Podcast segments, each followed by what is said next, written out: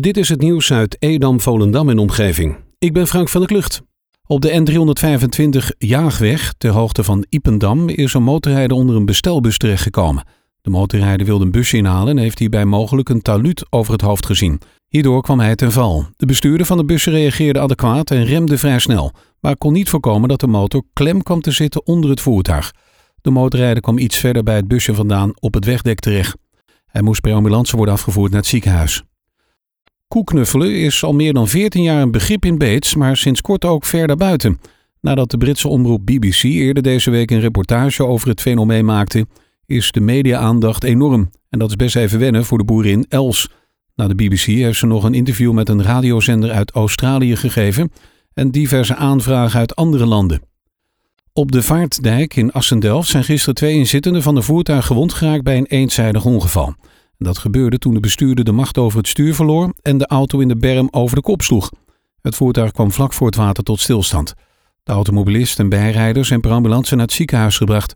Het verkeer op de vaartdijk was tijdens de berging gestremd. De organisatie van Lekker Marken heeft in overleg met de horecaondernemers in Marken moeten besluiten om de tiende editie van Lekker Marken een jaar op te schuiven.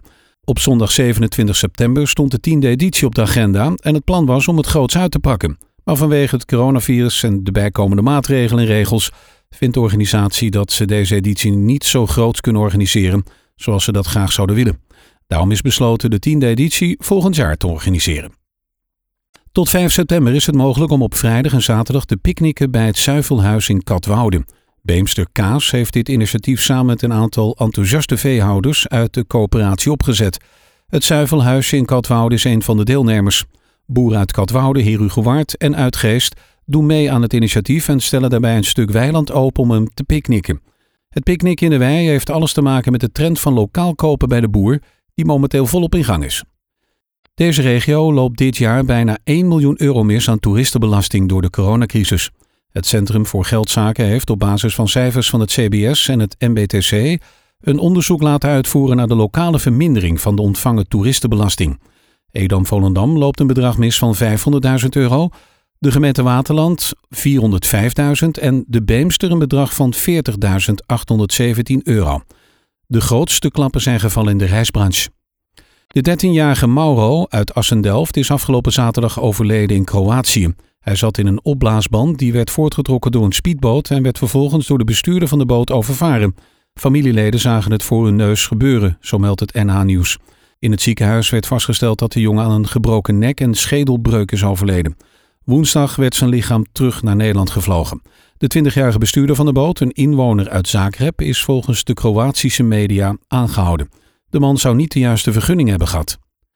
De gemeenteraad van Landsmeer is de procedure voor een kroonbenoemde burgemeester opgestart. Op dit moment is burgemeester Dennis Straat de waarnemend burgemeester. Het besluit van de gemeente Waterland om zelfstandig te blijven ligt ten grondslag aan dit gezamenlijke besluit van Landsmeer en de provincie Noord-Holland. De tijd die nodig is om tot een bestuurlijke fusie te komen duurt nog zes jaar. En dat is gelijk aan het aantal jaren dat een kroonbenoemde burgemeester wordt aangesteld. Na de zomer wordt de profielschets hiervoor vastgesteld door de gemeenteraad. De gemeenteraad vraagt inwoners van Landsmeer mee te denken over deze profielschets. Meer dan duizend boetes werden de afgelopen maanden in de acht gemeenten in Zaanstreek Waterland uitgeschreven wegens overtreding van de coronaregels. Die blijken lang niet allemaal op het Openbaar Ministerie te belanden. Van de bij elkaar opgeteld 1070 procesverbalen, die in Zaanstad, Purmerend, Edom, Volendam, Waterland, Landsmeer, Oostzaan, Wormeland en Beemster zijn uitgeschreven, hebben er tot nu toe precies 412 geleid tot een strafbeschikking. De andere waren eigenlijk geen coronabekeuringen, maar verkeersboetes. Tot zover het nieuws uit Edam, Volendam en omgeving. Meer lokaal nieuws vindt u op de Love Kabelkrant, onze website of in de app.